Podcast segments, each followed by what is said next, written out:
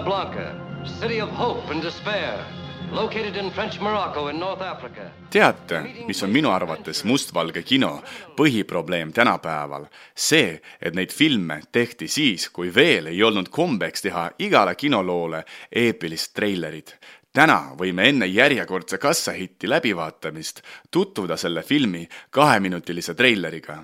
Tihti juhtub nii, et tema on huvitavam kui film ise.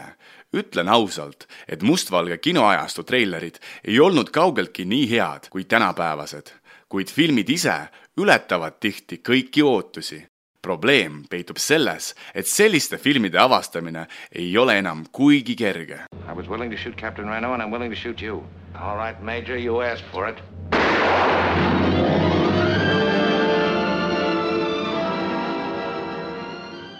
On olemas üks kuulus vene ajakirjanik väga huvitava elulooga. tema nimi on Vladimir Pozner. Please welcome my friend Vladimir Posner. ma pean teda oma õpetajaks analüütilise mõistmise alal. tema elutee on väga eriline ning võib-olla kunagi teen ka temast eraldi saade.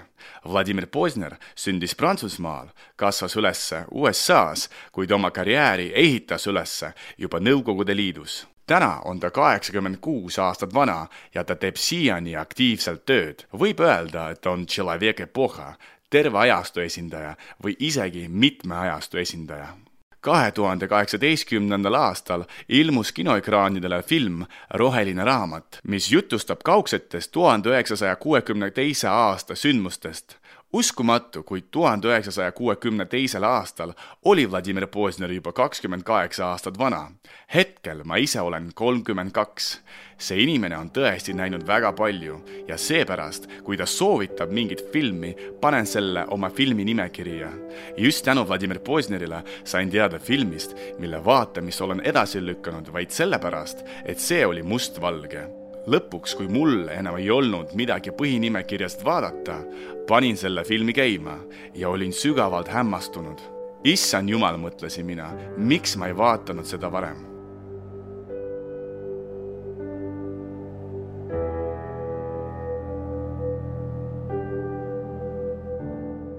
loodan, et oma sissejuhatusega suutsin teis uudishimu äratada, mu lugupeetud kuulajad, vähemalt nii palju, et sooviksite teada, mis on selle filmi nimi, kuid asi ei ole siin niivõrd filmis kui režissööris, kes seda tegi. film, millest on jutt, kannab nime Lollide laev, mille produtsent ning režissöör on ameeriklane Stanley Kramer. May I introduce myself?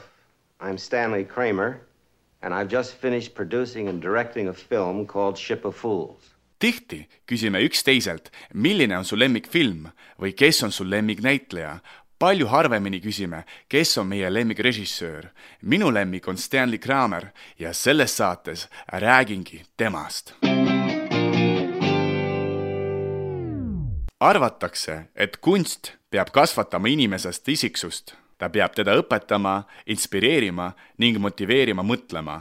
ta peab õpetama teda tundma, mis on hea ja mis on halb, mis on armastus oma lähedase vastu ja mis on usk Jumalasse, mis on ilu ja mis on näiteks viha terve inimajaloo jooksul on kunst näidanud, et igas ühes meist on juba olemas kõik ülenimetatud. me peame lihtsalt valima tee, mille järgi hakkame oma elu üles ehitama usun, et te nõustute minuga järgmises. ei ole olemas ideaalset elulugu, kuid on olemas sellised, milles domineerib kas headus või kurjus. näiteks me võime käituda nurjatult, petta kedagi ning hiljem õigustada ennast, et umbes kõik ju käituvad nii. selliseid fraase olen kuulnud mõndadelt ärimeestelt või me võime käituda ausalt, võib-olla isegi endale sellega elu raskeks tehes, kuid olles kindlad selles, et saame magada puhta südamega. ja kui kunsti ülesanne on meid valgustada, siis ma arvan, et kino, mis sisaldab endas ilukirjanduse, teatri ja muusika elemente, sobib kõige paremini nimetatud rolli jaoks. kui aga me tahame kasvatada endas vaimselt tugeva inimese omadusi, siis sobivad selleks kõige paremini Stanley Krameri filmid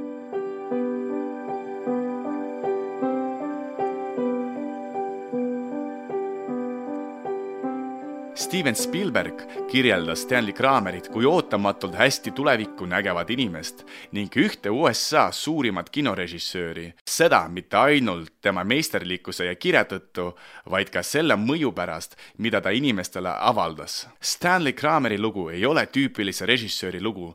oma kinokarjääri alustas ta stsenaristi assistendina, kuid tõelist kuulsust teenis ta produtsendina just sellises ametis on ta siiamaani Ameerika Ühendriikides enim tuntud.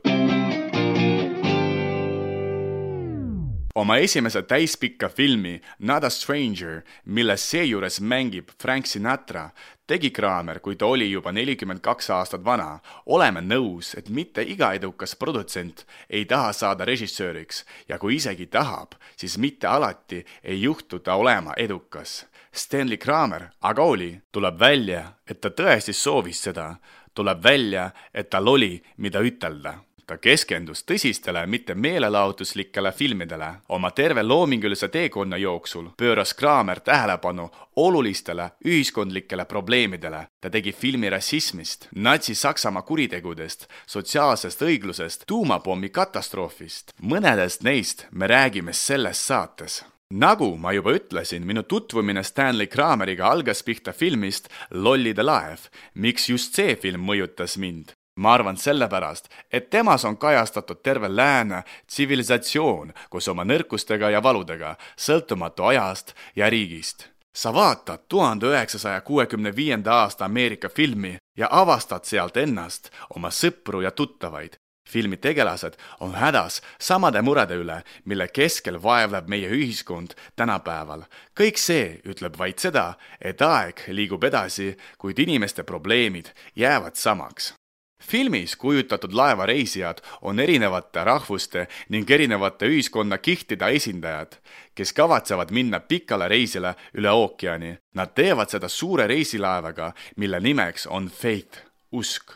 üks reisijatest, kääbik filosoof Karl Glocken andis sellele laevale teise nime, lollide laev. My name is Karl Glocken and this is a ship of fools. filmi kangelased üritavad selle laeva abil põgeneda oma senisest elust ja loodavad, et kui nad jõuavad uute kohta, siis kõik nende mured lahenevad iseenesest. Nende konfliktides ning üleelamistes on kajastatud meie ühiskonna allegooriline portree 26 days in separate beds is probably a very good thing. We'll get to know each other. We'll find out whether we have anything going for us besides sex. ning mitte sugugi kõik filmi tegelased ei saa reisi lõpus seda, mida nad lootsid. millega see film üldse mulle silma paistis?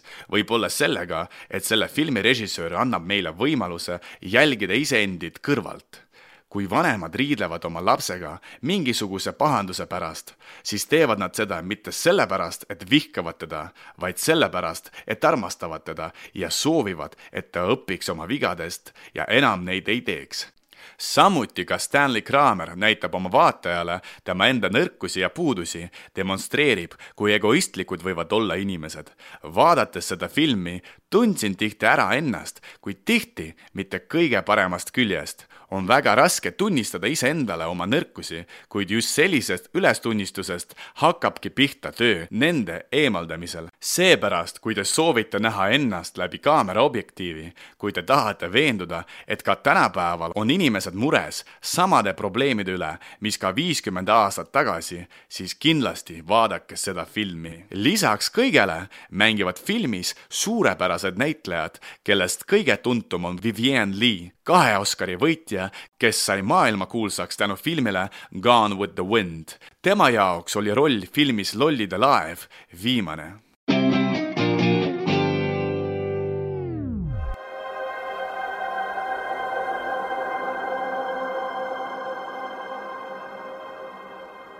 ajaloolased ütlevad, et kahekümnes sajand oli kõige karmim ja vägivaldsem sajand terve inimkonna ajaloos vaid selle sajandi esimesel poolel tapeti mitukümmend miljonit inimest. muidugi enamus nende eludest võttis endaga kaasa Teine maailmasõda.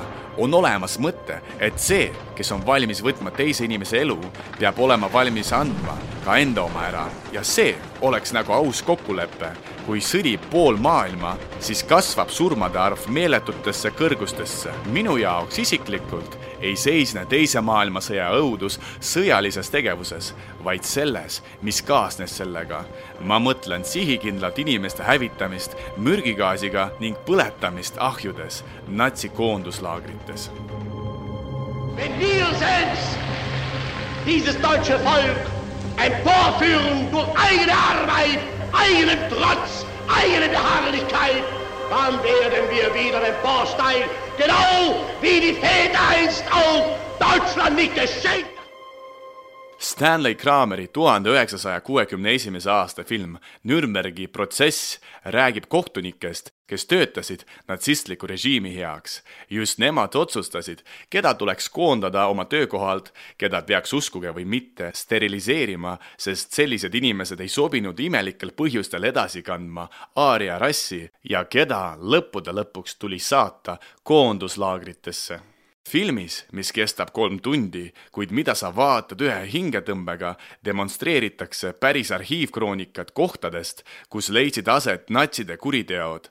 vaadates neid kaadreid, sain aru millestki väga tähtsast. ma sain aru, et sõltumata sellest, kui palju me ei loeks või vaataks nimetatud süütude inimeste massilise tapmise õudusi, me ei saa kunagi tunda lõpuni selle hirmu ja valu mastaapi, mis leidis aset kahekümne kahekümnenda sajandi esimesel poolel mõistuse tasemel saame aru, et on olnud Teine maailmasõda, et on olnud Natsi-Saksamaa, mis sünnitas väga palju kurjust, kuid et lõpuni tunda, mis kurjus see täpselt on, selleks meie mõistus ei ole lihtsalt võimeline.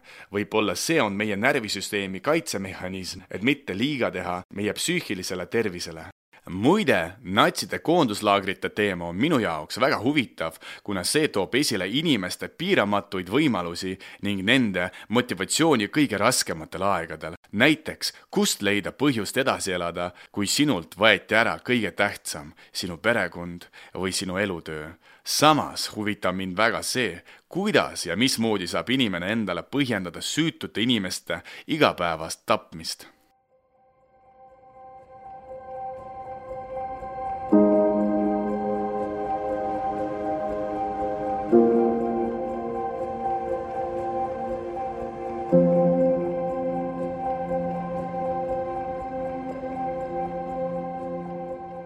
koonduslaagrite teemal on tehtud väga palju filme, kuid siiski mitte ükski neist ei suuda edasi anda neid emotsioone, mida tundsid inimesed, kes seal olid. kui te kunagi puutute kokku mingisuguste eluraskustega, vaadake ülevalpool mainitud kroonikaid ja te saate aru, et teie elus ei ole kõik nii halb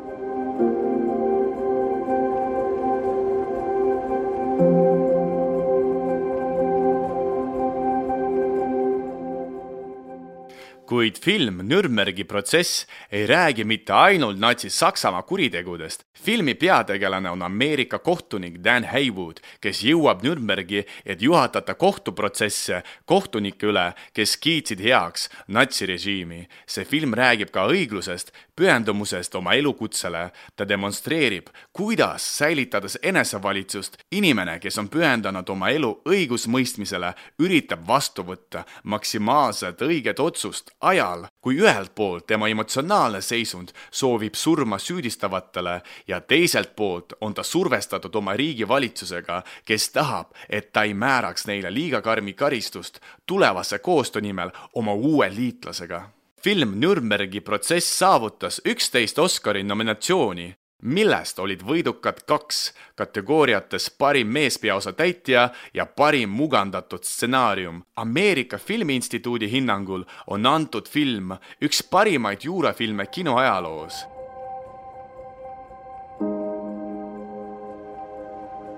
kui te kunagi olete seisnud valiku ees, kas käituda oma südametunnistuse järgi ja seetõttu jääda vähemusse või käituda nii, nagu seda ootavad teilt teie lähikondsed või avalikkus, kuid murdes oma põhimõtteid, siis ei jäta see film teid ükskõikseks. Lõppude lõpuks räägib see film sellest, kuidas jääda truuks oma eeskujudele hetkedel, kui soov neid reeta on kõige suurem ning kuidas jääda lõpuni ausaks inimeseks. Before the people of the world, let it now be noted that here in our decision, this is what we stand for. Justice, truth, and the value of a single human being.